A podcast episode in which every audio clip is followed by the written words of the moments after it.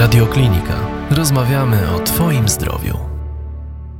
Przygotowując się do dzisiejszego tematu, uświadomiłam sobie, że ja i moja rodzina jesteśmy bardzo szczęśliwymi osobami i mam nadzieję, że tak zostanie, ale to się jeszcze dowiem tego. No bo tak, y, moja córka ma takiego kolegę, który nawet nie może wejść do nas do domu, bo mamy psy i koty. E, inna z kolei koleżanka, jakby chciała zjeść u nas obiad, to muszę ostrą burzę mózgów SMS-ową zrobić z jej mamą, żeby wiedzieć, co ona może zjeść. Z kolei mój kolega y, nie za bardzo przepada za wiosną, latem, bo bardzo cierpi. Oczywiście mowa tutaj o alergiach, e, których całe szczęście ja i moja cała rodzina nie posiadamy. Dlatego e, mam takie szczęście, że zgłębię alergiczną wiedzę jedynie w rozmowie i pomoże mi w tym e, pani doktor alergolog dziecięca Małgorzata Michalczuk z przychodni dla dzieci i ich rodziców Tolek. Dzień dobry. Dzień dobry. No to na początek, taki pierwszy rzut. Czym jest alergia? Tak najprościej rzecz biorąc. Alergia jest e, generalnie nieprawidłową reakcją organizmu na różnego rodzaju czynniki zwane w alergologii alergenami. E, I te alergeny u osób zdrowych, te czynniki, na przykład pyłki, sierści zwierząt czy pokarmy, u osób zdrowych nie wywołują żadnych objawów, natomiast u osób, które są wrażliwe na nie, mogą powodować szeroko pojęte reakcje alergiczne. No i tak jak mówiłam na początku, że ja i moja rodzina jesteśmy szczęśliwi, bo nie mamy alergii, czy może się okazać, że gdzieś w trakcie życia nagle zaczniemy być uczuleni na coś, na co na przykład nie byliśmy, albo okaże się, że jednak nie wiemy, czy nie mamy uczulenia na coś? Tak, jak najbardziej może się zdarzyć, bo alergia może się pojawić w każdym wieku, nawet u osób starszych. E, niektórzy mówią, w tym moja pani doktor, e, taki mój mentor, e, że z alergią jest jak z kobietą. Jest nie do przewidzenia, może się pojawić w każdym momencie, może w każdym momencie objawy mogą zniknąć, a przebieg choroby też jest często nie do przewidzenia. Ale bo to jest na przykład, nie wiem, spotykamy nagle psa, który ma jakąś inny rodzaj sierści, jest jakąś inną mieszanką i my nigdy nie mieliśmy z tym kontaktu i nagle nasz organizm dziwnie na to reaguje, czy nie wiem, jesteśmy osłabieni na przykład po chorobie jakiejś i po prostu te alergeny na nas zaczynają działać, które nie działały wcześniej. Jak to się wydarza? Uczulenie y, pojawia się wraz z wiekiem, tak? Musimy mieć kontakt jakiś powtarzający się z alergenem i y, uważa się też, że pewną predyspozycję genetyczną do tego, żeby choroba alergiczna się rozwinęła. Też czym innym jest uczulenie, czyli taka skłonność organizmu na przykład do wytwarzania swoistych przeciwciał IgE, czyli taki potencjał do tej alergii, a czym innym jest już choroba alergiczna, czyli wtedy, kiedy pojawiają się objawy. I nie każdy pacjent uczulony, czyli nie każdy pacjent, który ma na przykład testy dodatnie e, przeciwko konkretnym alergenom, może tą chorobę alergiczną e, rozwinąć. Tak muszą być jeszcze inne sprzyjające czynniki, nie tylko genetyczne, ale na przykład środowiskowe. Tu duże znaczenie ma na przykład zanieczyszczenie środowiska, czyli dym tytoniowy, narażenie tak na dym tytoniowy, e, smog, czyli zanieczyszczenie powietrza. Osoby osoby, które będą przestrzegały pewnych warunków, e, w których mieszkają, mają szansę, mimo predyspozycji genetycznej, nigdy na chorobę alergiczną nie zachorować. I tu chyba wyjaśniła się e, zagadka, bo przypomniałam sobie, że mój młodszy brat, jak był mały, miał robione testy alergiczne, e, o które za chwilę zapytam, i wyszło mu, że jest uczulony na bawełnę i czekoladę. I w sumie używa jednego i drugiego i znaczy się nie ma choroby alergicznej, tak? Alergia to alergia, czyli choroba alergiczna, a uczulenie to jest ta predyspozycja, tak? Czyli to, co my możemy stwierdzić w testach, e, czy testach skórnych, punktowych testach skórnych, czy Y, pobierając y, krew na badanie i wtedy określamy y, swoiste przeciwciała w klasie IgE przeciwko danym alergenom. I rzeczywiście to trzeba wiedzieć, że to są tylko badania dodatkowe, tak jak w medycynie. Każde badanie, które wykonujemy jest badaniem dodatkowym i ono ma dla nas tylko i wyłącznie znaczenie w korelacji z pacjentem. Więc najważniejszy w medycynie jest wywiad. Mówi się, że nawet aż 80% rozpoznania klinicznego to jest dobrze zebrany wywiad, a badania pomocnicze to jest e, badanie przedmiotowe i badania dodatkowe e, to jest te pozostałe 20%, więc nigdy nie możemy samego badania interpretować e, bez pacjenta i mniej więcej około średnio około 30% osób zdrowych może mieć testy dodatnie, ale wcale nie chorować na chorobę alergiczną, tak? Czyli mają uczulenie, ale nie alergię. Tak jest. E, właśnie chciałam do tych testów teraz przejść, więc chciałam zapytać w ogóle, e, gdzie się zgłosić, w jakim wieku na przykład dziecko czy dorosły też może, jakie tam są alergeny mogą nam wyjść, czy to są różne rodzaje testów, że na przykład jest mniejszy pakiet na tam 5 alergenów, większy pakiet na 100 alergenów, jak to wygląda? Rynek to, to jest po prostu zatrzęsienie testów, tak? Po, podzielmy je w skrócie na, dwie, na dwa podstawowe rodzaje testów. Te testy, które są wykonywane na pacjencie, czyli te punktowe testy y, skórne, tak zwane priki. Są jeszcze innego rodzaju testy, ale to już powiedzmy w tej diagnostyce chorób y, skóry, to o tym nie będziemy mówić, tylko powiemy o tych klasycznych prikach. I tu wykorzystujemy alergeny pokarmowe i alergeny y, wziewne, czyli pyłki roślin, y, drzew, traw, chwastów, ale też i zarodniki pleśni, roztoczy kurzu domowego, też sierści zwierząt. To są te najczęstsze alergeny, które badamy.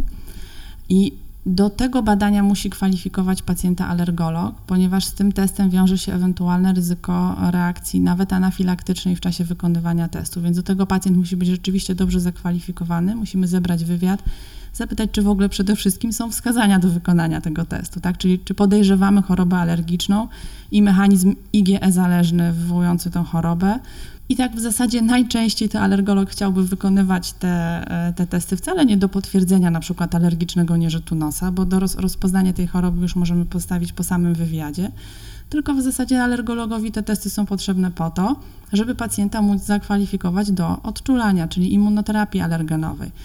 Czyli wykonujemy te testy po to, żeby potwierdzić e, korelację wywiadu i danych na przykład pyłków, powiedzmy drzew czy traw, które podejrzewamy o wywoływanie objawów, potwierdzamy to w teście i ten test potwierdza nam dodatkowo mechanizm IgE zależny alergii i wtedy wiemy też, że taki pacjent, takiego pacjenta możemy zakwalifikować do tego typu leczenia, czyli do odczulania. Te testy, do tych testów pacjent musi być też odpowiednio przygotowany, czyli nie może brać wcześniej leków e, przeciwalergicznych, bo one mogą tłumić tą reakcję. Natomiast do badań z krwi w zasadzie pacjent nie musi być w ogóle przygotowany. Może brać leki, może być w czasie infekcji, e, może tak naprawdę i często rodzice to robią sami, zlecać sobie to badanie i wykonać je samodzielnie, ponieważ nie wiąże się z żadnym ryzykiem, to jest pobranie po prostu krwi i przy innych badaniach można też je pobrać. A z tej krwi co nam wychodzi? To są te same alergeny? Tak, badamy te same alergeny, ich jest całe mnóstwo, wszelakie alergeny e, pokarmowe, wziewne. E, tutaj też jeśli chodzi o diagnostykę alergologiczną, to przy podejrzeniu alergii na jady owadów błonkoskrzydłych też w praktyce wykonujemy raczej te oznaczenia swoistych IgF z krwi niż e, testy skórne. I kiedy na przykład z dzieckiem e, można się wybrać, jak już występują takie, czy są jakieś przeciwwskazania, że na przykład dziecko jest za małe i nie powinno mu się robić testów alergicznych? Wśród pacjentów istnieje taki pogląd, e, że tak, dzieci małe, e, u dzieci małych te testy nie wychodzą i że dopiero po trzecim roku życia jest sens te badania pobierać.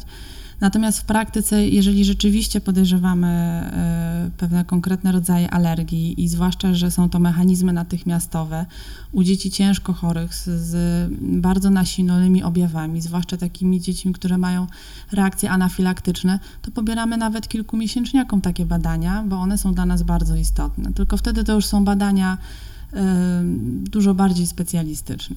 Reakcje anafilaktyczne, czyli? Jest to reakcja y, alergiczna bardzo nasilona, która wiąże się z bardzo nasilonymi reakcjami, nie tylko skórnymi, ale z dusznością i jest to w ogóle stan zagrożenia życia. Czyli poważnie już. Bardzo tak. Jest to najpoważniejsza z reakcji alergicznych występująca w ogóle. I czy te alergie dzielą się na jakieś typy, rodzaje, no bo już tutaj wiemy pokarmowe na pewno, które są dosyć popularne ostatnimi czasy, te wziewne, czyli pyłki, na które mnóstwo ludzi, o nie, znowu tatopola, o nie, znowu lato i w ogóle o matko, matko, matko, katar, nieżyt nosa i tak dalej. Czy jest tego więcej?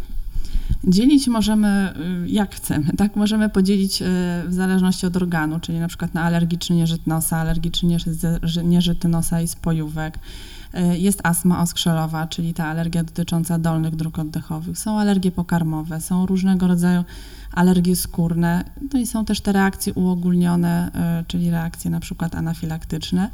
Można dzielić ze względu, uczulenie ze względu na rodzaj alergenu, czyli tak popularnie nazywana pyłkowica, czyli to właśnie uczulenie na pyłki, e, czy wiosenne, czy letnie, czy jesienne też.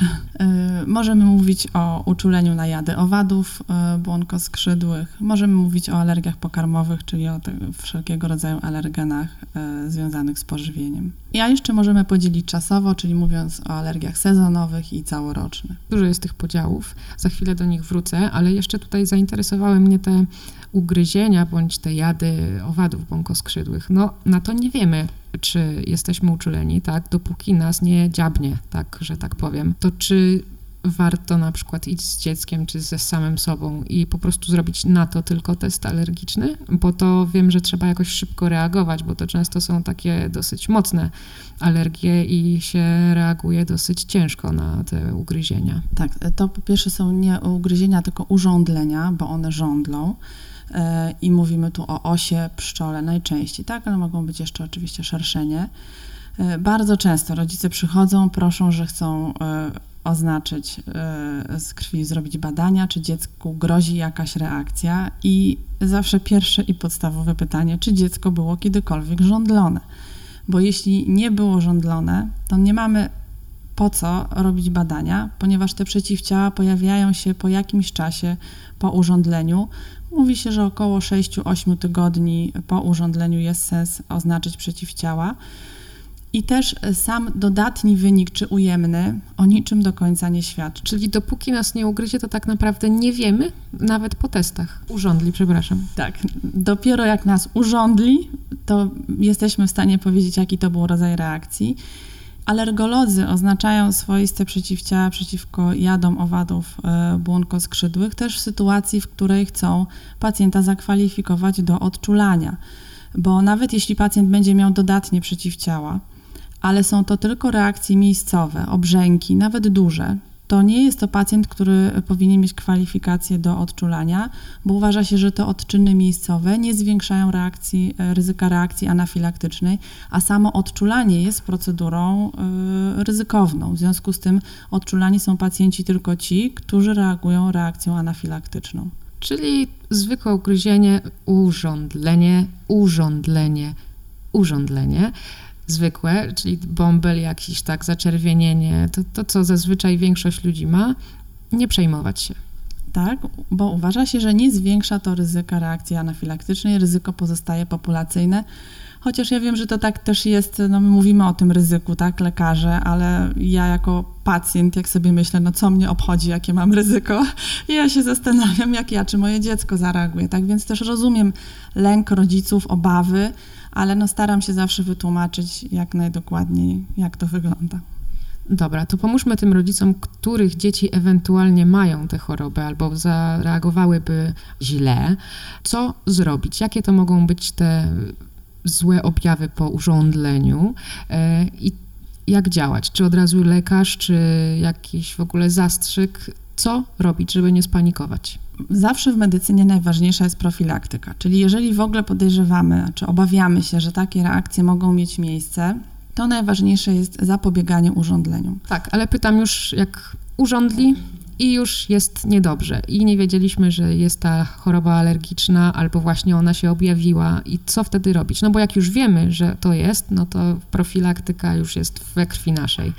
Ale ten pierwszy raz, tak? Tak naprawdę, jeżeli pojawiają się reakcje uogólnione, za chwilę powiem, jak to wygląda, to pierwsze i co najważniejsze jest po prostu trzeba wezwać pogotowie. Dlatego, że jeżeli rzeczywiście widzimy reakcję rozwijającego się wstrząsu anafilaktycznego, to tu największe znaczenie ma podanie adrenaliny. I tu niestety się dosłownie liczą chwile. I jak pogotowie będzie jechało za długo, a to jest prawdziwa reakcja anafilaktyczna, to yy, szanse uratowania pacjenta są niestety małe, tak? prawdziwa taka reakcja, pełna reakcja anafilaktyczna może się rozpoczynać e, uogólnioną pokrzywką, czyli takimi bąblami na ciele. Może być e, rumień też całego ciała, nie tylko obrzęk miejscowy.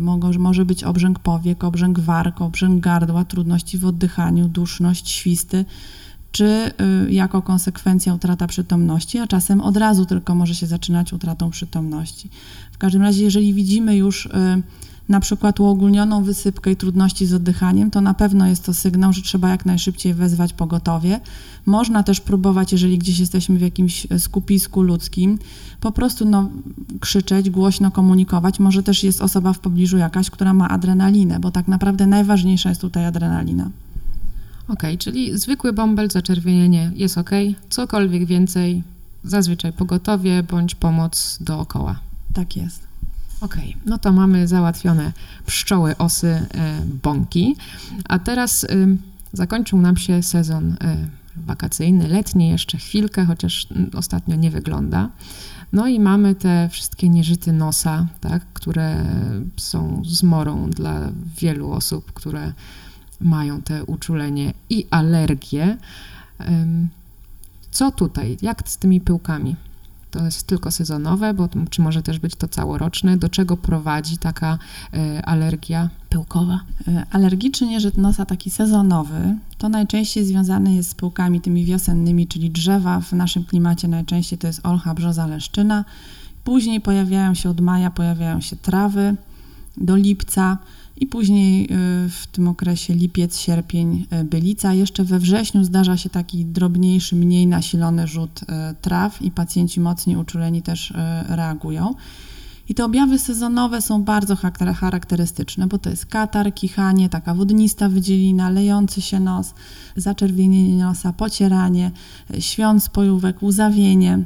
U pacjentów, których ta y, alergia trwa z sezonu na sezon, mogą być objawy coraz bardziej nasilone, aż nawet może dojść do astmy takiej y, atopowej, alergicznej właśnie w okresie pylenia i wtedy się pojawiają duszności, świszczący oddech, trudności z oddychaniem. E, ci pacjenci mają tak charakterystyczne objawy, że rozpoznanie jest już w 100% pewne. Jeśli jeszcze podamy lek przeciwalergiczny, objawy czy zmniejszają się, czy ustępują, to wiemy na 100%. I u tych pacjentów e, testy w zasadzie nie są w ogóle potrzebne do, e, do potwierdzenia choroby. Wykonujemy je rzeczywiście u tych pacjentów, u których y, chcielibyśmy im te objawy na tyle złagodzić, czy uwolnić ich od tych objawów, czy uwolnić ich od konieczności podawania leku i byśmy ich widzieli w immunoterapii, czyli w odczulaniu.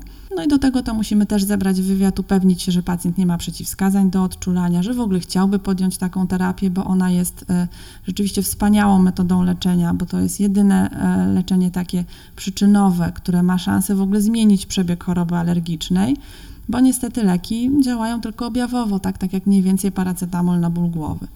A immunoterapia e, zmienia całą tą naszą odpowiedź immunologiczną, ma za zadanie e, wytworzyć tolerancję na dany e, alergen. Dzieje się to na skutek systematycznego podawania tego alergenu początkowo w zwiększającej dawce, potem już w takiej dawce podtrzymującej, ale żeby ten efekt leczenia był trwały i rzeczywiście się utrzymał kilka, kilkanaście lat, u niektórych pacjentów już całe życie, to ta terapia musi trwać i ona najczęściej trwa 3 do 5 lat, więc tutaj pacjent rzeczywiście no, musi być e, dobrze przede wszystkim e, przygotowany, czyli zakwalifikowany do tej, e, do tej metody, żeby ona była skuteczna, no i też musi być zmotywowany do tego leczenia. Najczęściej pacjenci, którzy mają bardzo nasilone objawy, są bardzo zmotywowani. A czy dzieci też się odczula? Jak najbardziej. Dzieci można odczulać. Są e, dwie metody odczulania. Jedna to jest iniekcyjna. Szczepionki są podawane podskórnie i tutaj dzieci po skończonym piątym roku życia mogą już e, brać udział w tej terapii. W praktyce to wygląda tak, że najczęściej te dzieci, które współpracują, bo nie każdy pięcio czy sześciolatek będzie chętny do przychodzenia na zastrzyki, Natomiast młodsze dzieci, i tu w zasadzie uważa się, że nie ma ograniczenia wiekowego, aczkolwiek no jednak raczej y, po trzecim roku życia ze względów technicznych jest metoda jeszcze podjęzykowa, stosujemy roztwory y, podjęzykowe, czy u starszych dzieci mm, tabletki podjęzykowe. Ale też, czy dobrze zrozumiałam, wcześniej pani coś takiego powiedziała, że jak pacjent zostanie zakwalifikowany do odczulania, czyli nie każdy może? Nie każdy może. Pacjenci, którzy mają choroby mm, szeroko powiedzmy uogólnione, jakieś e, z grupy chorób autoimmunologicznych, e, pacjenci po nowotworach, to są e, osoby, które nie mogą być um, stosować, nie możemy u nich stosować immunoterapii ponieważ, no jak sama nazwa wskazuje, ta metoda polega na ingerencji w układ autoimmunologiczny, tak? więc pewne choroby są wykluczeniem. A co jak już ta mm, alergia wziewna zamieni się w tę astmę? E, jak sobie z tym radzić, jeżeli nie możemy być odczulani? Bo rozumiem, że to bardziej chyba tych pacjentów mimo wszystko dotyczy, którzy nie mogą się odczulić. No to jest różnie, dlatego że y, czasami pacjenci dopiero chcą się odczulać, jak już zaczynają mieć te objawy naprawdę bardzo nasilone. Natomiast jeśli nie możemy pacjenta odczulać, czy pacjent nie chce się odczulać, to nam pozostają leki. Y, I w alergicznym mierzycie nosa stosujemy leki przeciwhistaminowe doustne y, czy też miejscowe do oczu, do nosa, steroidy donosowe. Natomiast w przypadku objawów astmatycznych podajemy leki albo bronchodilatacyjne, czyli takie, które znoszą skurcz oskrzeli, ale to jest leczenie tylko objawowe. Natomiast e, do przewlekłego zniesienia stanu zapalnego stosujemy steroidy wziewne. Dzieci również? U dzieci również tak. Nie ma tu ograniczenia wiekowego do stosowania sterydów wziewnych i tu od razu e, chciałabym napomknąć o sterydofobii, że nie są to leki, których należy się bać. Należy się bać wtedy, kiedy są podawane w niewłaściwy sposób, w niewłaściwych dawkach, e, w niewłaściwych wskazaniach, tak? Natomiast w prawdziwej chorobie alergicznej, w prawdziwie astmie, która jest e, stanem zapalnym dróg oddechowych i może powodować szereg negatywnych konsekwencji, my najbardziej boimy się tak zwanego remodelingu oskrzeli czyli u dziecka rzeczywiście z astmą, nie mówię tu o astmie sezonowej, tylko takiej astmie, która trwa rzeczywiście cały rok od latami, tak, jest nieleczona. Remodeling oskrzeli to jest taka przebudowa e, dróg oddechowych, która polega na tym, że ta mięśniówka oskrzeli, tak powiedzmy najbardziej obrazowo, to nie jest opis medyczny, tak, tylko taki opis, który ja staram się też e, rodzicom wytłumaczyć, jak to wygląda. Ta mięśniówka oskrzeli przerasta, one się stają mało podatne na rozkurcz, tak, nawet potem podanie leku przeciwrozkurczowego może gorzej zadziałać. Poza tym w astmie nie tylko jest skurcz oskrzeli, nie tylko ta mięśniówka przerasta, ale też jest nadprodukcja śluzu, więc te oskrzela w rezultacie, jeśli byłyby latami nieleczone, to drzewo oskrzelowe nie rozwija się w sposób prawidłowy i podanie leku przeciwzapalnego znosi stan zapalny, czyli powoduje, że to, to oskrzela, jak zaczynają się leczyć, stan zapalny ustępuje i te drogi oddechowe też mogą rozwijać się wraz z dzieckiem, więc to jest bardzo ważne, szczególnie u dzieci, które są w okresie rozwoju, żeby nie bać się sterydów. To są naprawdę małe dawki, to są mikrodawki i czasami zdarzają się ludzie, rodzice, którzy się boją strasznie steroidów, nie podają tych sterydów i dziecko trafia co jakiś czas, co miesiąc, czasem co kilka miesięcy na izbę przyjęć z takim zaostrzeniem astmy, że dostaje wtedy sterydy dożylnie, bo to już jest ratowanie zdrowia życia, tak? I nie mają te osoby świadomości, że taka jedna dawka podana dożylnie to jest parę miesięcy, a czasem paręnaście miesięcy takiego leczenia y, wziewnego, tak? To są takie, takie różnice w dawkach. Tu jest leczenie, jeżeli chodzi o leczenie wziewne, to jest leczenie miejscowe, tak jak powiedziałam, w mikrodawkach. To dotyka, do, dociera do, tam, gdzie ma dotrzeć i leczy te, y, te oskrzela, oskrzeliki, które ma, mają być leczone. To prawie w minimalnym procencie y, przenika do krwiobiegu taki lek. Czy do tej astmy oskrzelowej to e, prowadzi tylko taka alergia pyłkowa, czy też e, na sierść zwierząt? To są wszystkie wziewne alergie, czy tylko właśnie te pyłki? Pyłki to jest najmniejszy problem, bo to na ogół są właśnie tylko zaostrzenia sezonowe. Dużo groźniejsze są alergeny całoroczne, takie jak roztocze kurzu domowego. To jest e, alergen taki bardzo astmogenny. Mm, I tak samo alergen y, sierść kota, tak? To też jest taki alergen, to jest w ogóle jeden z najdrobniejszych alergenów. On bardzo głęboko penetruje drzewo oskrzelowe i uważa się, że też jest to alergen całoroczny, dlatego że można nie mieć kota, a jednak mieć objawy z powodu uczulenia na sierści kota, bo wystarczy, że na przykład y, w przedszkolu czy w szkole jest ktoś, jakieś dziecko, które ma kota w domu, to stężenie tego alergenu w sali po kilku godzinach jest już na tyle wysokie, że dziecko uczulone może mieć niestety objawy, więc czasem trudno się zorientować w ogóle, że jak to moje dziecko uczulone na kota, ale my nie mamy kota. No niestety tak się może zdarzyć i te alergie e, całoroczne są dużo trudniejsze e, do leczenia, też do wyeliminowania powiedzmy alergenu, ale też może być astma, e, której podłożem wcale nie jest żaden alergen, tak? Czasem my to mówimy takim żargonie medycznym astma infekcyjna, tak? Ale czasem po prostu infekcje mogą powodować co chwilę obturację dróg oddechowych. E, zdziwiła mnie pani z tym kotem, że to w ogóle takie, co wystarczy, że, bo ja mam dwa koty, więc e, wystarczy, że moja córka pogłaszcze takiego kota, czy wystarczy, że po prostu są w jednym mieszkaniu i ona pójdzie do szkoły i, i jej kolega, który na przykład siedzi obok, ma uczulenie, może czuć się gorzej? Może czuć się gorzej, tak. To też e, pacjent pacjentowi nierówny, bo czasami osoby uczulone i najczęściej jednak osoby uczulone reagują na, na koty czy na inne zwierzaki, na które są uczulone w momencie kontaktu z tym zwierzakiem. Ale są osoby wybitnie uczulone i im rzeczywiście y, już kot u kogoś w domu może szkodzić, pomimo że u tego kogoś w domu nie jest. I tych pacjentów wtedy y, no, możemy odczulać akurat na sierści kota pacjent pacjentowi nierówny, a kot kotu bądź y, pies psu? Czy są takie, nie wiem, co mają mniej tych alergenów, albo są łagodniejsze, czy tam jakaś jest rasa, która nie wytwarza tych alergenów? To też jest bardzo trudne pytanie, bo oczywiście tak, w internecie jest bardzo dużo y, opinii na temat, że tam psy z włosem y, nie uczulają, a psy z sierścią tak. Y, więc trzeba też wiedzieć, że w przypadku czy psa, czy kota nie uczula wcale y, tylko i wyłącznie sierść, ale i naskórek, i ślina, i mocz. Mm, ale rzeczywiście te opinie są. Ja sama jestem bardzo uczulona i na psy, i na koty. I moje dzieci od lat chciały mieć zwierzaki i pisały do świętego Mikołaja. I co roku na liście był łysy kot. I po prostu straszne miałam wyrzuty sumienia, że te biedne dzieci nie mogą mieć nawet tego łysego kota. A papugę? No, pap na papugę też można się uczulić. Prawda, tak? Tak, tak. Też, też są pacjenci bardzo uczuleni e, i, i rzeczywiście e, z dusznościami.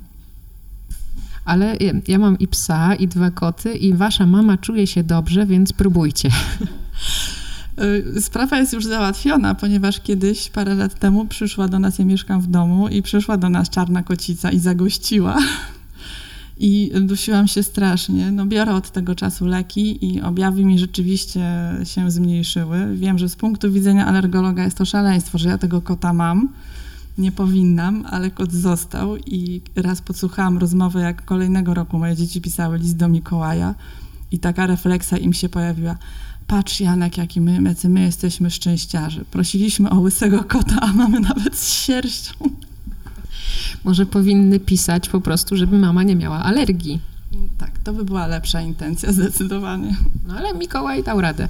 Dał radę. Czyli obserwuję też, że rzeczywiście pacjenci uczuleni na sierść psa reagują na te psy, ale zdarzają się takie rasy, na które reagują mniej. I czasem też zdarzają się rodzice, którzy przychodzą i proszą, żeby zrobić test, yy, tak, czy dziecko może mieć psa czy kota. I zawsze mówię wtedy, że no test możemy oczywiście zrobić, tak, ale test nie ma takiego znaczenia. Najważniejsze, jeżeli na przykład sobie wybrali jakiegoś psa, to niech pójdą do kogoś, kto tego psa ma, niech to dziecko się pobawi parę godzin i niech zobaczą, czy jest reakcja, czy nie. I to jest dużo lepszy test, zwłaszcza, że można go wykonać samemu, nie potrzeba do tego żadnego lekarza, a na pewno wnioski z tego testu będą bardziej prawdziwe niż jakikolwiek byśmy nawet najdroższy test, który jest na rynku, zrobili. Zawsze też można odczulać, tak? Ewentualnie dzieci, bądź podawać leki, jeżeli tak bardzo pragną mieć zwierzę. Tak, ale według zaleceń też jest tak, że e, staramy się nie odczulać pacjentów którzy, na, na tego zwierzaka, którego mają w domu. To znaczy, podstawową zasadą jest najpierw, brzmi to strasznie, eliminacja alergenu. To zabrzmiało strasznie, tak. Strasznie. Zawsze mam problem, jak dać pacjentowi zalecenia na piśmie. No, no ale. Um, odczulanie pacjenta na przykład na kota, y, podawanie szczepionki w gabinecie, y, zawierającej alergen kota i potem narażanie pacjenta, że on pójdzie do domu, gdzie będzie miał tego alergenu więcej, po prostu wiąże się z ryzykiem reakcji anafilaktycznej, no niestety w czasie odczulania, więc odczulamy na przykład na, na kota tych pacjentów, raczej, bo oczywiście też są wyjątki w medycynie i różne osoby różne rzeczy robią. Niektórzy też mają większe, powiedzmy, doświadczenia czy większą śmiałość, więc odczulają tych pacjentów z kotem na kota, ale co do takich stricte zaleceń alergologicznych, no za standardów tak zaleca się odczulać tylko w sytuacji, w której nie możemy znieść w ogóle alergenu kota w środowisku takim ogólnym. To jeszcze chciałam się zapytać, czy to takie wychowanie dzieci sterylne to faktycznie może prowadzić do zwiększonej liczby uczuleń, zwiększonej liczby alergenów? Czy, no bo wśród rodziców się tak, tak rozmawia, a bo zobacz, niczego nie, nie pozwalają dotykać i to jest złe, a ci drudzy mówią, zobacz, pies zjadł i czy tam z podłogi, a dziecko się dzieli, czy tam jedzą razem loda w którą stronę ten, powiedzmy, odchył, no bo to zawsze jest taki odchył troszeczkę, jest zdrowszy. Najważniejszy jest zdrowy rozsądek. No nie powinno być absolutnie sterylnie, bo to rzeczywiście nie jest dobre. Chodzi o to, żeby ten nasz układ immunologiczny y, mógł stykać się z różnymi antygenami, tak? Więc ważne jest to, żeby, no nie mówię, żeby żyć w brudzie, ale w normalnym takim środowisku. Kontakt ze zwierzakami też jest wskazany. Jakieś wyjazdy na, na wieś, y, na wakacje jak najbardziej tak. A sterylność y, oczywiście nie jest do końca zalecana z, też z tego punktu, że mm, do utrzymania super porządku potrzebujemy dużo różnych środków chemicznych, które mają, e, mają cały szereg też swoich e, skutków ubocznych, nie tylko reakcje skórne, ale też pewne substancje, które stosujemy w domu, mogą wręcz wywoływać, wchodzić w reakcję na przykład ze środkami e, stosowanymi w znieczuleniu ogólnym, więc przesada w każdą stronę nie jest dobra i o tym trzeba pamiętać ale pacjenci, którzy są już uczuleni, czy dzieci na przykład chorujące, czy właśnie uczulone na roztocze kurzu domowego, u tych dzieci wskazane na przykład jest, y, by miały w domu, zwłaszcza w sypialni, oczyszczacz powietrza z filtrem HEPA. Bo tu też niektórzy się boją, jak zalecam y, to oczyszczacze, że ale to będzie za sterylnie i wyjdzie na dwór i dostanie wstrząsu. To tak wtedy nie działa, tak? Jak już jest dziecko y, uczulone, to też chcemy, żeby cały czas ten jego układ immunologiczny nie był pobudzony. Więc dbanie o to, żeby tych roztoczy jednak troszkę było e, mniej, ma duże znaczenie. A poza tym też jest kwestia smogu w e, okresie no, zimowo-wiosennym, co też ma znaczenie. To prawda, już właśnie zaczyna się powoli, mam aplikację i ten wskaźnik zaczyna już mi przekraczać te 50 od dwóch, trzech dni, a całe lato było tak pięknie, było tak zielono, tam ten wskaźniczek pokazywał, no ale no, jakoś to musimy znieść. Tak jest. E, jest jeszcze jeden rodzaj alergii, ale on jest tak rozległy, jak się przygotowywałam i zaczynałam czytać. Jest to ta alergia pokarmowa. A ponieważ już e, nasz czas powoli dobiega końca, to poprosiłabym tylko o takie delikatne zarysowanie tematu, do którego na pewno jeszcze wrócimy i na pewno sobie o nim porozmawiamy, bo te alergie pokarmowe, mówię, e, tak jak na początku powiedziałam, koleżanka mojej córki, kiedy przychodzi i pisze SMS-y z tą mamą, czy może zjeść to? Nie. Może zjeść to? Nie. Czy może zjeść to? Nie. I tak po kilku próbach wreszcie się okazuje, że na przykład może tylko banana z bułką, jak Adam Małysz, tak? I to bułką tam, nie wiem, orkiszową albo coś takiego. E, zarysujmy delikatnie, może jakieś objawy, tak, albo rodzaje objawów, mm, czy to są poważne te alergie, do czego one mogą prowadzić, ale tylko, tak wie pani, w telegraficznym skrócie, bo wrócimy do tematu na pewno na całą rozmowę. Alergia pokarmowa to rzeczywiście temat rzeka, nawet wodospad bym powiedziała, o tym można mówić i mówić i objawy są absolutnie wszelakie. W zasadzie można wymyślić każdy objaw i na pewno on się w alergii pokarmowej może pojawić. E, ja tylko chcę powiedzieć z punktu widzenia e, alergologa po kilku latach pracy, że na pewno ale, rola alergologa teraz uległa zmianie. Jak zaczynałam pracę jako pediatra, to widziałam, że alergolodzy raczej zalecali dietę eliminacyjną, a teraz alergolog raczej tą dietę rozszerza.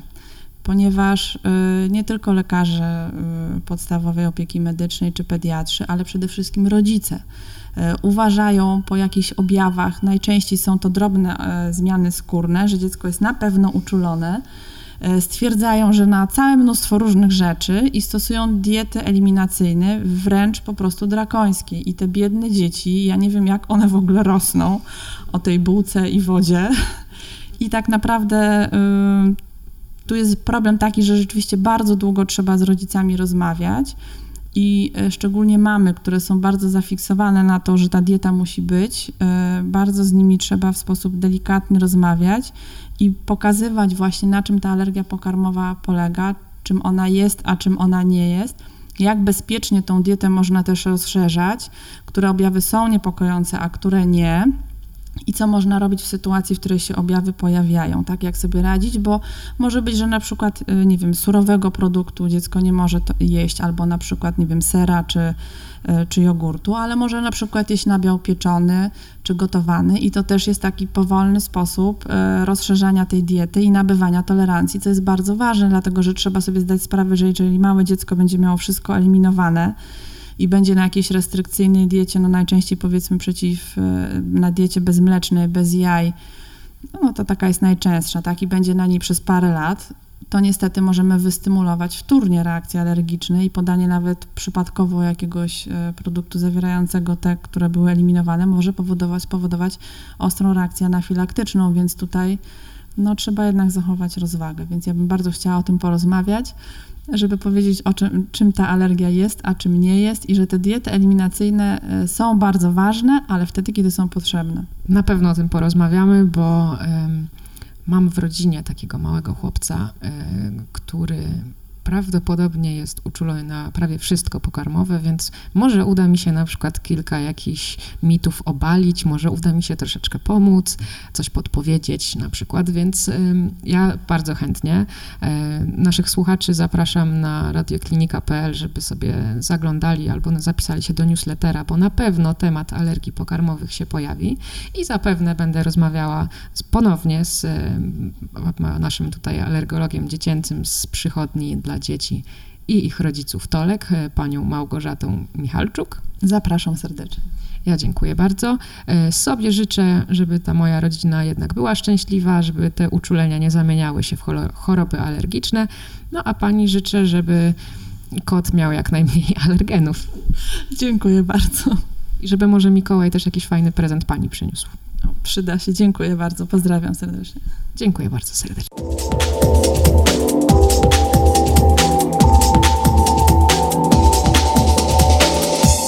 Radioklinika.